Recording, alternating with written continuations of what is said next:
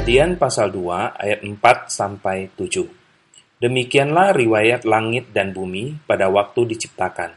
Ketika Tuhan Allah menjadikan bumi dan langit, belum ada semak apa pun di bumi, belum timbul tumbuh-tumbuhan apa pun di padang, sebab Tuhan Allah belum menurunkan hujan ke bumi, dan belum ada orang untuk mengusahakan tanah itu.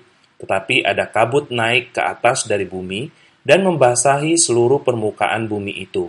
Ketika itulah Tuhan Allah membentuk manusia itu dari debu tanah dan menghembuskan nafas hidup ke dalam hidungnya.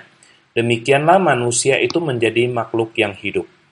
Sahabat, perikop ini bukanlah sebuah pengulangan, tetapi bagian ini adalah sebuah penjelasan dan penegasan bahwa manusia diciptakan dari debu tanah yang tidak berarti dan tidak hidup. Tuhan adalah sumber kehidupan, dan Dia memberikan nafas hidup itu bagi kita sehingga kita boleh hidup di hadapannya.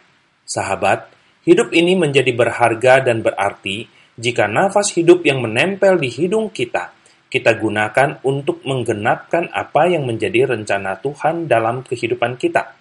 Jangan sampai salah kaprah.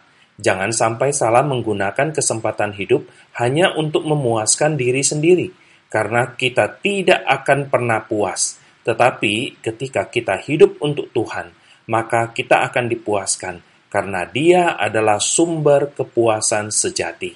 Amin.